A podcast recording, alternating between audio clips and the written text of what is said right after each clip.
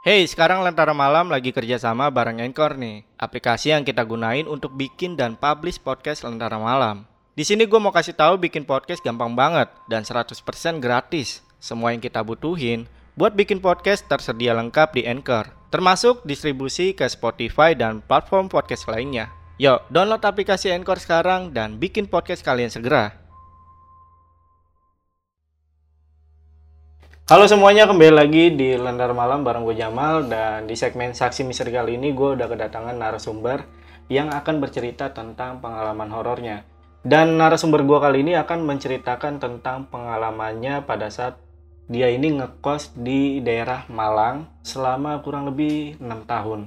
Dan cerita ini juga eh, cukup viral di Twitter dan narasumbernya udah ada di samping gue. Kita langsung kenalan aja sama narasumbernya. Namanya Mas Jendro. Mas Jendro apa kabar Mas? Ya, ah, baik mas. Oke. Oke. Mas Jendro, pengalaman ngekos di kosan angker di Malang selama Hmm. enam tahun itu gimana rasanya Mas?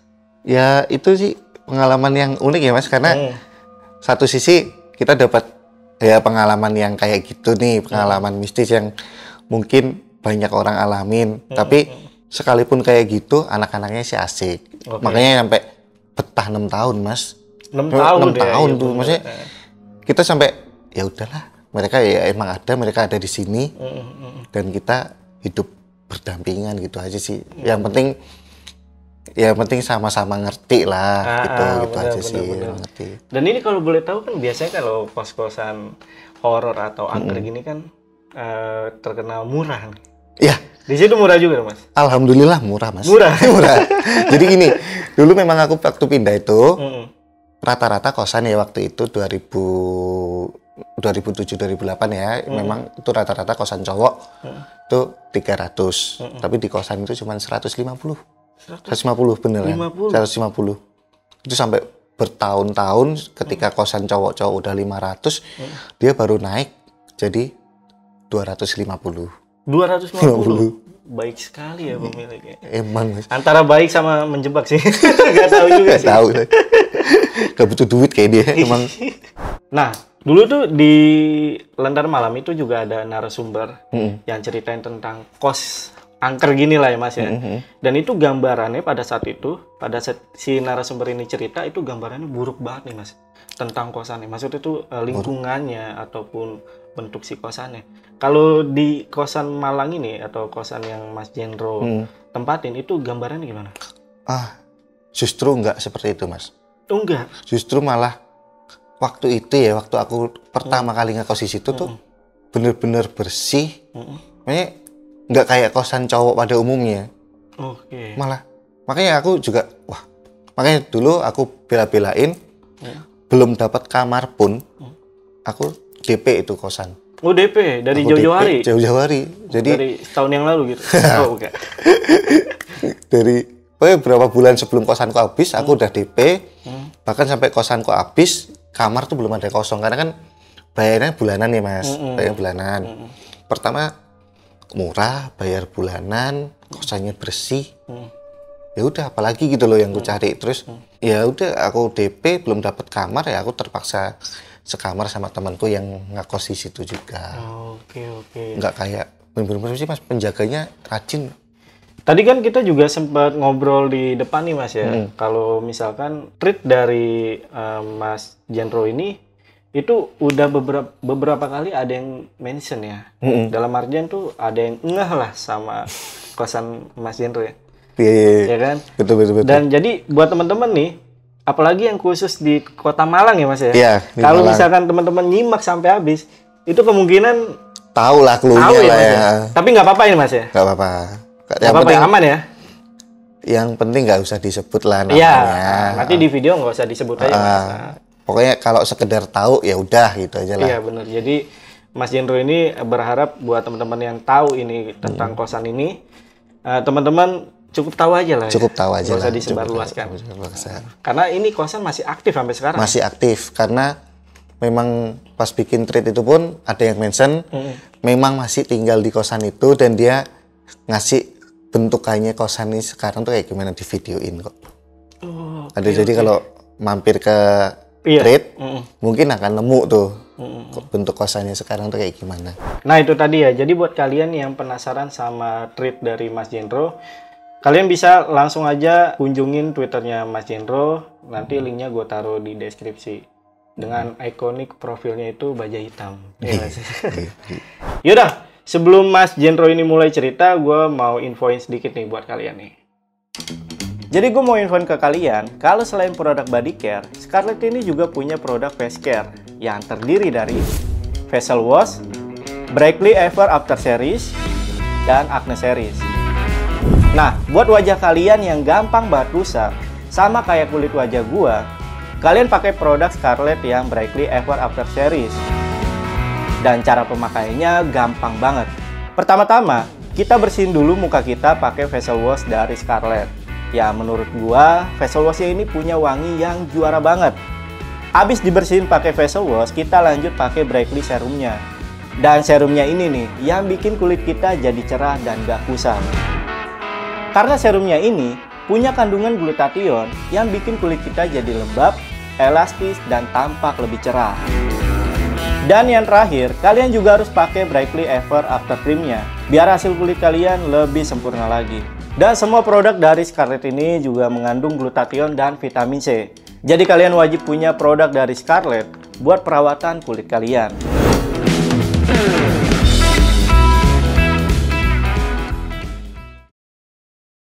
Nah itu tadi infonya. Jadi memang belakangan ini gua itu lagi sering banget pakai rangkaian produk dari Scarlett. Karena kita sebagai laki-laki juga wajib untuk merawat kulit kita. Jadi jangan lupa untuk pakai Scarlett. Yaudah buat kalian yang penasaran sama cerita dari Mas Jenro, tonton videonya sampai habis dan tanpa basa-basi lagi, saksi misteri kita mulai.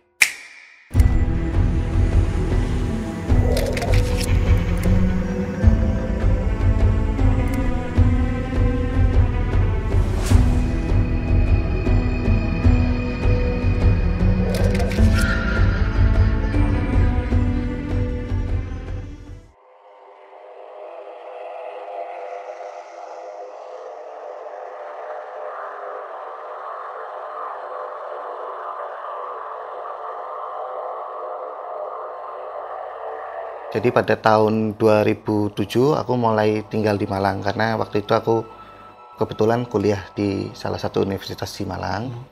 Tapi di tahun 2008 aku baru pindah ke kosan ini. Oke. Di kosan ini karena waktu itu memang harga kosan ini lebih murah dan lebih nyaman dibanding kosanku yang sebelumnya. Salah satunya karena ada temen juga teman sekelas ngajakin tinggal di situ.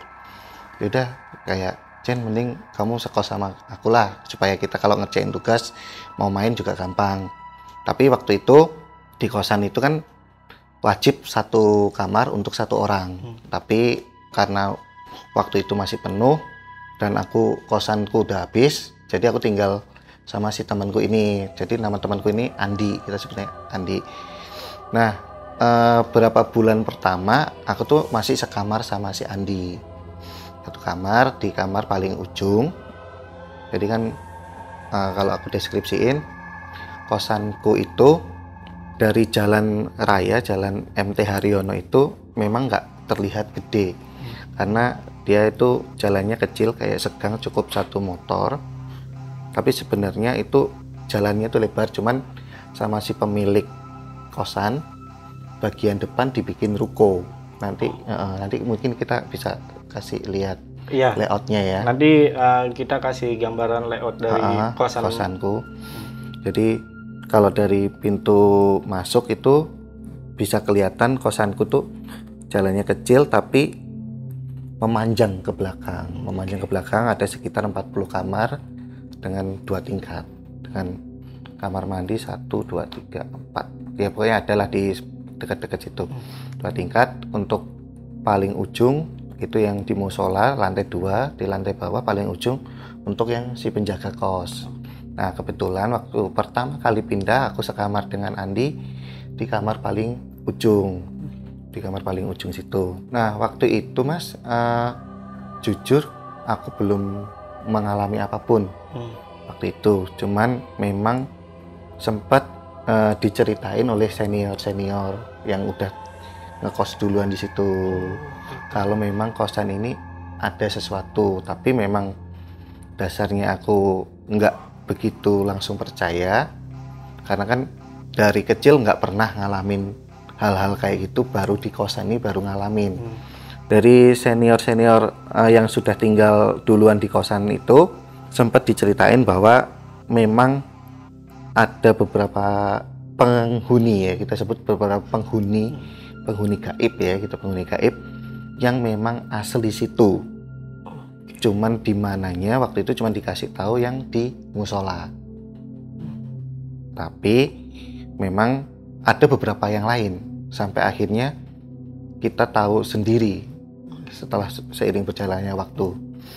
Uh, mungkin dari senior senior itu sudah ada yang melihat salah satunya yang kakek yang di musola sama cara visualnya sih mirip dengan nonik-nonik Belanda pakai gaun kuning.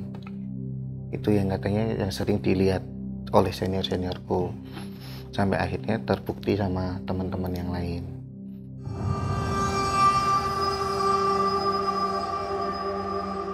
Jadi setelah beberapa bulan aku tinggal satu kamar dengan temanku si Andi ini akhirnya kan aku punya kamar sendiri sebelahan. Sebelah ujung dekat tangga dekat toilet itu kamarnya Andi kamarku sebelahnya persis. Ya, dapat kamar sebelahnya persis. Nah waktu itu si Andi ini belum belum memiliki perangkat komputer ya belum punya PC aku udah ada. Jadi si Andi tuh sering ke kamarku. Cuma nonton film zaman dulu kan gitu ya 2000 2008 tuh kita nonton film. Nah biasa tuh kan kalau anak kosan dulu sok-sokan ya udah dimatiin lampunya biar biar seru kayak di bioskop gitu kan. Ya udah kita nonton pas kita nonton tuh nggak ada apa-apa mas sampai udah nyantai aja nonton sampai akhirnya kita ketiduran mas jadi posisi aku tidur di kasur temanku si Andi di karpet tiba-tiba tuh kebangun aku nggak ngerti jam berapa waktu aku kebangun itu kan lampu mati hmm. dan hanya cahaya itu didapat dari PC. Jadi cahaya yang kita, kita dapat tuh dari situ karena lampu utama kan mati. Waktu aku bangun, itu apaan? Di atas monitor, di atas CPU, itu apaan kok kecil? Maksudku ada ada makhluk gitu loh ya, ada makhluk. Bener-bener waktu kulihat baru kelihatan banget itu ada beberapa ada lima apa enam aku lupa mukanya tuh muka kakek-kakek tua kakek-kakek tapi badannya tuh kecil mungkin tingginya tuh cuman segini lah mas. Sebetis mungkin ya kecil. Sebetis kakek-kakek kakek-kakek. Kakek-kakek. Tapi dia posisinya nggak berdiri ya. Posisinya tuh kayak di atas monitor tuh dia tuh kayak gini-gini mas. Tahu nggak sih? Itu belum ngerasa takut karena masih penasaran ini apa gitu kan. Waktu aku bener-bener perhatiin begitu dia begini tuh kelihatan tuh ininya apa uh, kuku-kukunya panjang itu. Dia kan gini. Dia menyeringai menyer, senyum menyeringai terus kelihatan taringnya ngerti gak sih tapi aku nggak ngerti itu makhluk apaan gitu loh yeah, iya. mungkin teman-teman yang nonton ini mungkin tahu ya yeah, itu yeah, namanya yeah, apa yeah. gitu tapi aku nggak ngerti itu apa nah waktu itu memang kupikir tuh tuyul tapi ternyata kalau yang dideskripsikan tuyul tuh nggak sekecil itu katanya. Oh, tapi kakek-kakek ini raut wajahnya juga keriput. Keriput. Rambutnya juga ada. Rambut uh, ada, rambutnya kelihatan mas rambut putih. Kayak apa ya kita ngeliat tuh kayak di film-film gitu lah kayak yang kakek-kakek nyeremin tapi dia posisinya kecil cuman seginian lah palingan mas deskripsinya itu kayak jenglot gak sih Mas Jen tuh pernah ah, nggak tahu jenglot tuh bukannya gitu. kayak boneka gitu ya? Iya, tapi kan itu kan uh, ada ya, rambutnya kan, gitu. Ada rambutnya. Kan kalau jenglot kan kecil segini ya, Mas. Mm -hmm. Ini mungkin lebih gedean gitu ya. Makanya waktu itu aku pikir ini apa gitu. Itu belum takut waktu takutnya pas dia menyeringai kelihatan taringnya aku baru ngerasa takut tuh. Aku tuh pengen bangunin temanku si Andi nih. Hmm. Karena saking takutnya kan mau bangunin, eh nggak bisa mas badan tuh kaku badan itu kaku nah pas badan kaku itu aku cuman bisa baca doa doa apa pun lah ya yang aku bisa kan dalam hati juga nyesel juga aku nggak apa ayat kursi gitu kan iya. ini cuma bisa baca doa seadanya lah iya. baca doa ya astagfirullah astagfirullah Allah akbar Allah sudah gitu waktu melek tuh dia masih ada. Dia itu masih ada mas. Dia itu masih ada berarti wah apaan nah pas mau balik badan gini ini kan sini kan tembok nih Ah. kan aku tidur gini.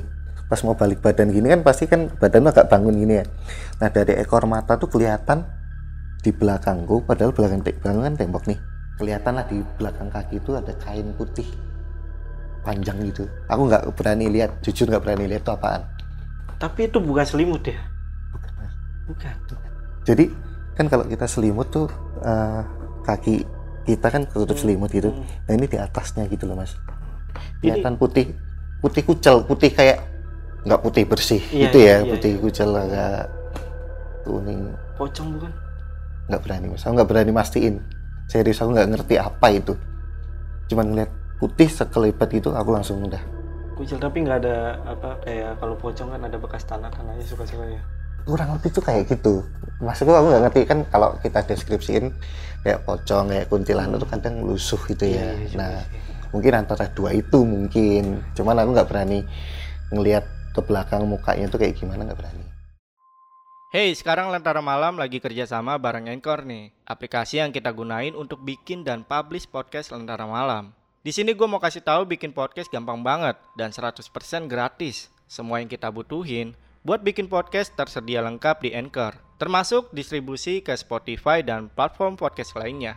Yuk, download aplikasi Anchor sekarang dan bikin podcast kalian segera. sejak saat itu juga aku baru yakin baru sadar kalau memang mereka ini memang ada Ada memang ada di kosan ini. Karena kan sebelumnya kan nggak pernah mengalami hal-hal seperti itu. Hmm, Nah, selain em, kejadian yang pertama, Mm-mm. ada lagi gak kejadian? ada mas. Kejadian yang ku alamin yang kedua waktu itu aku ngeliat bener-bener tuh setengah duaan tuh ya setengah dua. Nah ini kamarku ini kamar Andi. Pintu kita buka karena kan kita ngerokok di kamar kan Iya. jadi kan kita buka. Nah waktu kita buka tuh nggak aku buka kan mainin gini nih desain nah pintu kamar kan sebelah Iya. kanan nah itu aku ngelihat sekelebat nih kuning setinggi manusia sekelebat kuning tuh lewat di depan ke arah gerbang dari kamar arah kamar Andi ke arah kamar Ruan.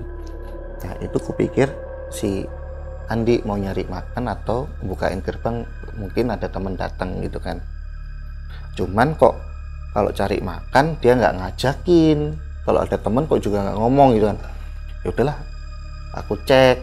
Waktu aku nengok keluar kan nengoknya pasti ke arah gerbang kan. Nggak mungkin ke belakang dong orang jalannya ke sono. Waktu aku tengok loh kosong. Udah gelap tuh semua tuh sampai gerbang. Bener-bener kosong sepi kosan tuh. Loh, terus siapa dong? Ngeliat kosong aku ke kamar Andi aku tanya nih eh kamu habis lewat depan kamarku ya? Hmm. padahal si Andi itu lagi asik mas pegang stick main PES di depan komputer. Dan dia pakai kaos hijau nggak kaos kuning. Iya, gila. saya kita tuh sempat aku sama Andi tuh kan aku masih berdiri dia bersila gini kan sila ini main-main pes kita sempat diem-dieman sekitar dua detik kan ya sampai kita tuh sampai ngeh waktu itu di si Andi langsung jancuk su tutup su kamarku Su. tutup tutup. Nah waktu itu juga langsung ngeh wah sialan nih.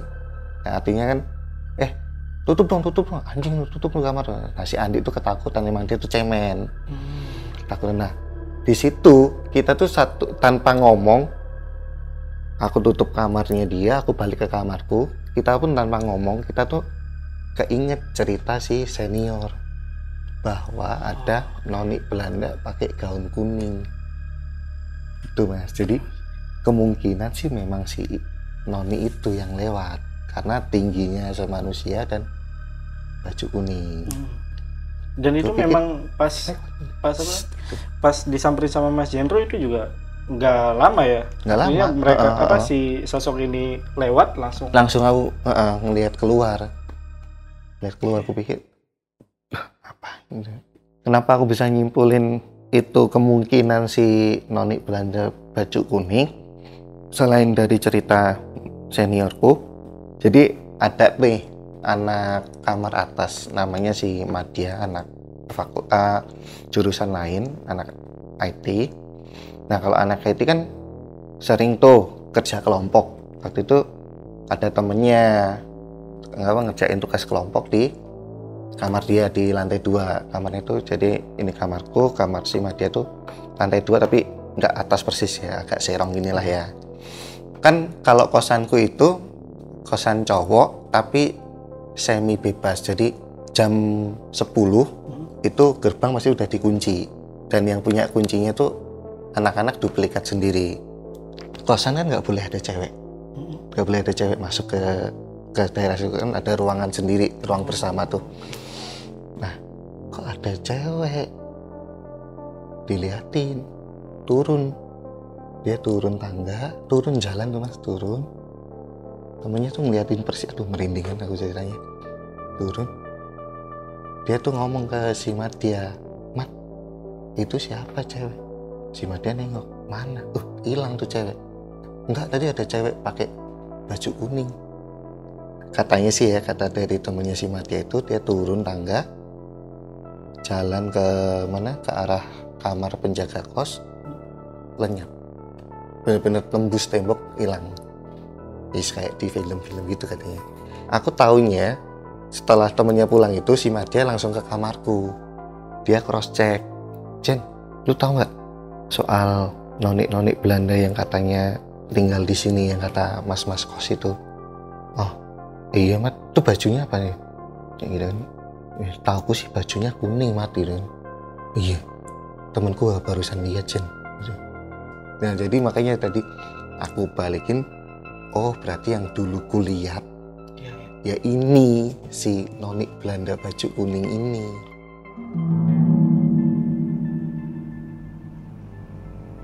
Ini tuh lebih unik ya. Jadi nah waktu itu ada salah satu anak dari Mataram namanya Lalu. Ini kamarku yang depan yang agak depan nih. Kamar Lalu tuh di atasnya kamar lama kamar lama yang ujung yang dekat musola situ. Jadi dia di lantai dua. Jadi bener-bener dekat dengan musola. Dekat dengan musola. Nah si Lalu ini waktu itu dia tiba-tiba ke kamarku cerita. Mas tadi itu kan si apa dia anggaplah temennya namanya Tony gitu lah ya mas tadi si Tony tuh main ke tempatku ke kamar. Nah aku tuh baru tahu mas ternyata ceweknya si Tony tuh indigo.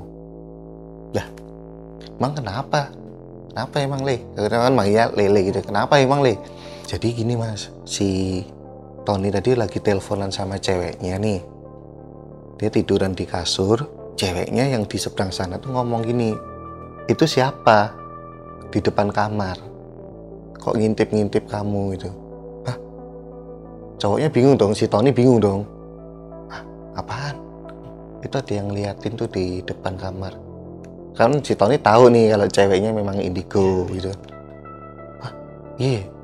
Iya itu ada cewek duduk di depan kamar ngeliatin. Jadi ini musola kamar kamarnya itu pokoknya kamarnya lalu baru gitu.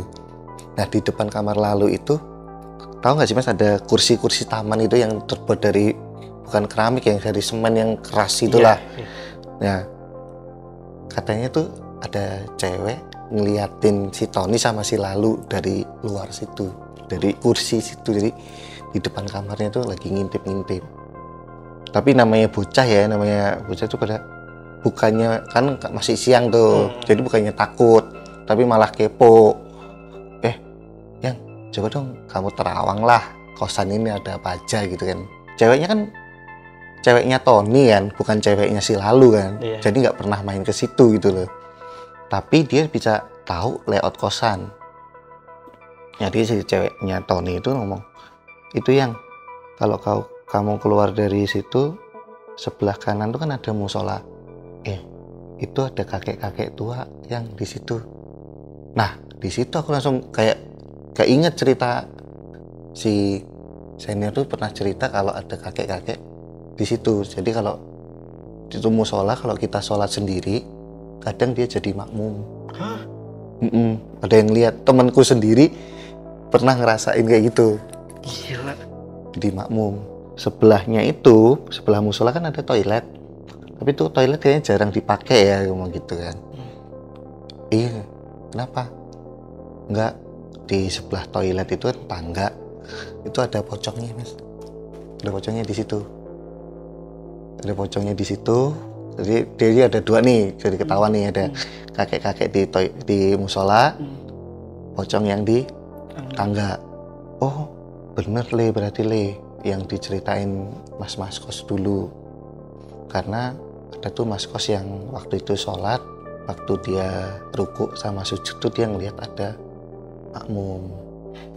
Jadi makanya sampai sampai waktu itu ya kalau kita sholat di situ usahain jangan sendiri. Kalaupun sendiri ya pas kamu berani aja. Akhirnya ya udah kalau kita sholat di situ tuh kalau sendiri ya mas kalau sendiri tuh biasanya cuman jam-jam siang. Jam sholat duhur sholat asar. Kalau untuk sholat maghrib isya subuh tuh ya sebisa mungkin menghindarilah mending sholat di kamar masing-masing kayak gitu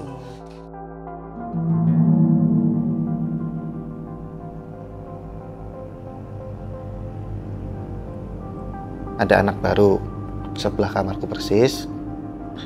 Eh, namanya Kusuma. Nah aku ngerti banyak soal hal-hal kayak gini kurang lebih dari si Kusuma.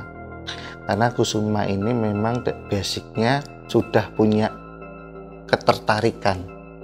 Ketertarikan dan dia kayaknya memang ada bakat dari sebelum-sebelumnya dari ibunya pada Keturunan. neneknya. Dari keturunan. Aku tahu. Tapi dia bukan yang main klinik gitu ya enggak dia cuman tahu gitu tahu begituan setelah kenal sama si Kusuma itu nah, kita pindah ke kamar atas mas karena kamar bawah waktu itu bocor Oke. bocor ya bocor kita pindah ke kamar atas Mas Sa- aku Iya. sama si Kusuma pindah ke kamar atas pindah ke kamar atas. oke. karena memang pas banget bocornya itu dua kamar pas pindah di kamar atas jadi kan di kamar Kusuma kamar temenku sama kamar kamarku selang satu kamar.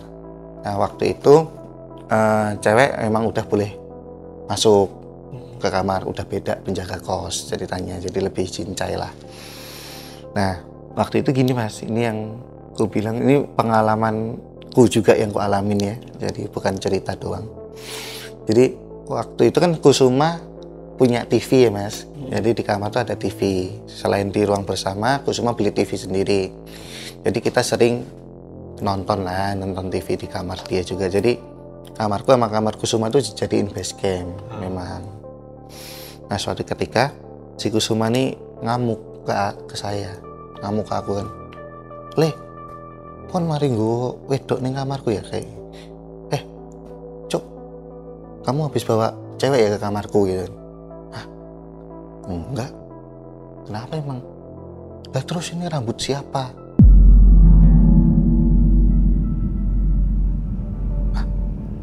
bingung dong.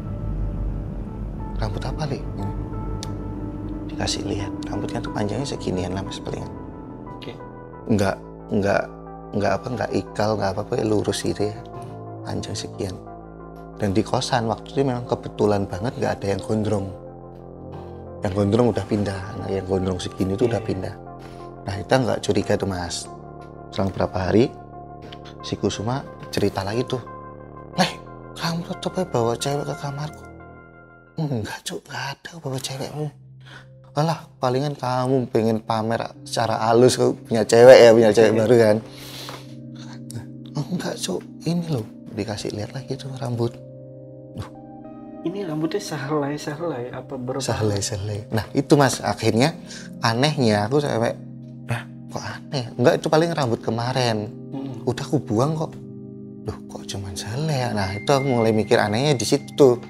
Dah sampai suatu ketika aku si Hasmil Sam sama si Kusuma di kamar Kusuma nih sama si Hasmil. Begadangan sampai subuh. Cerita-cerita. Nunggu subuh baru kita tidur. Terus pas paginya tuh dibangunin sama Kusuma mas.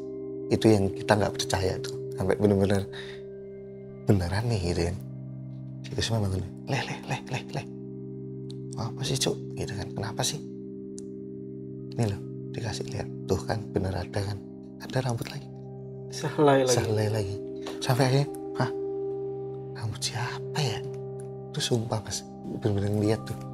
Aku sama si Hasmil tuh nggak habis pikir. Kita cari eh, cari lagi. Nggak ada lagi. Cuman selai itu dok ah mungkin ketiup angin. Balik lagi ke situ ya udah. Supaya buat bukti ini rambut kita simpen jangan kita buang. Kita ambil kertas kita bentuk kayak amplop. Kita taruh di situ mas. Taruh di situ plak disimpan di dekat TV itu rambut sehelai-sehelai itu Hmm. muncul tiap hari. Besoknya besoknya besoknya.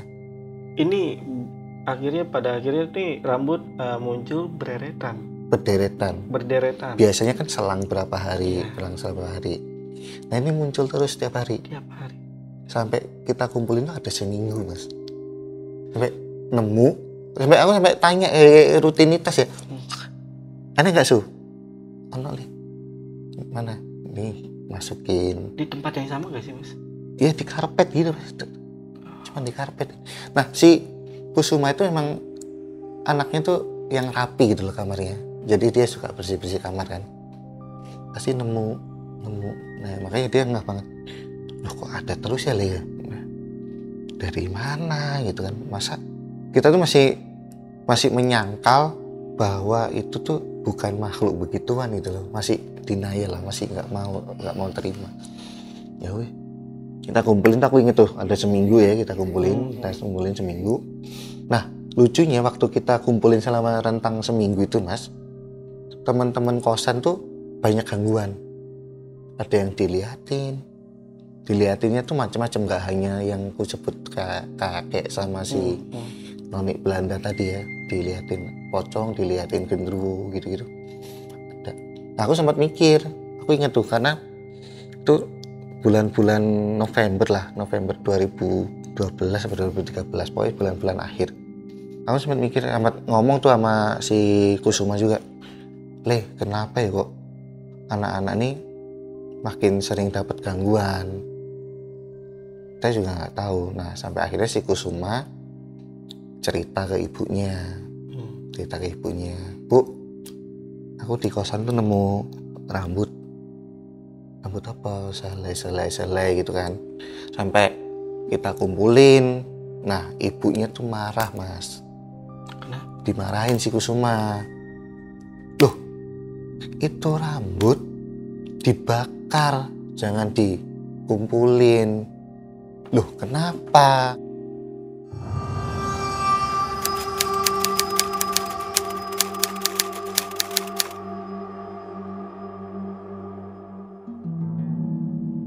Di episode berikutnya,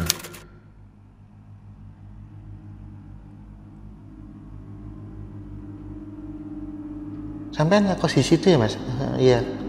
Loh di situ masih angker nggak sih mas? Dari toilet ini kan ada ventilasi ya mas? Iya. kalau kita naik ke apa bak mandi kita nengok sebelah itu ada satu makam di bawah. Kita nanya sebenarnya kenapa sih dengan kosan ini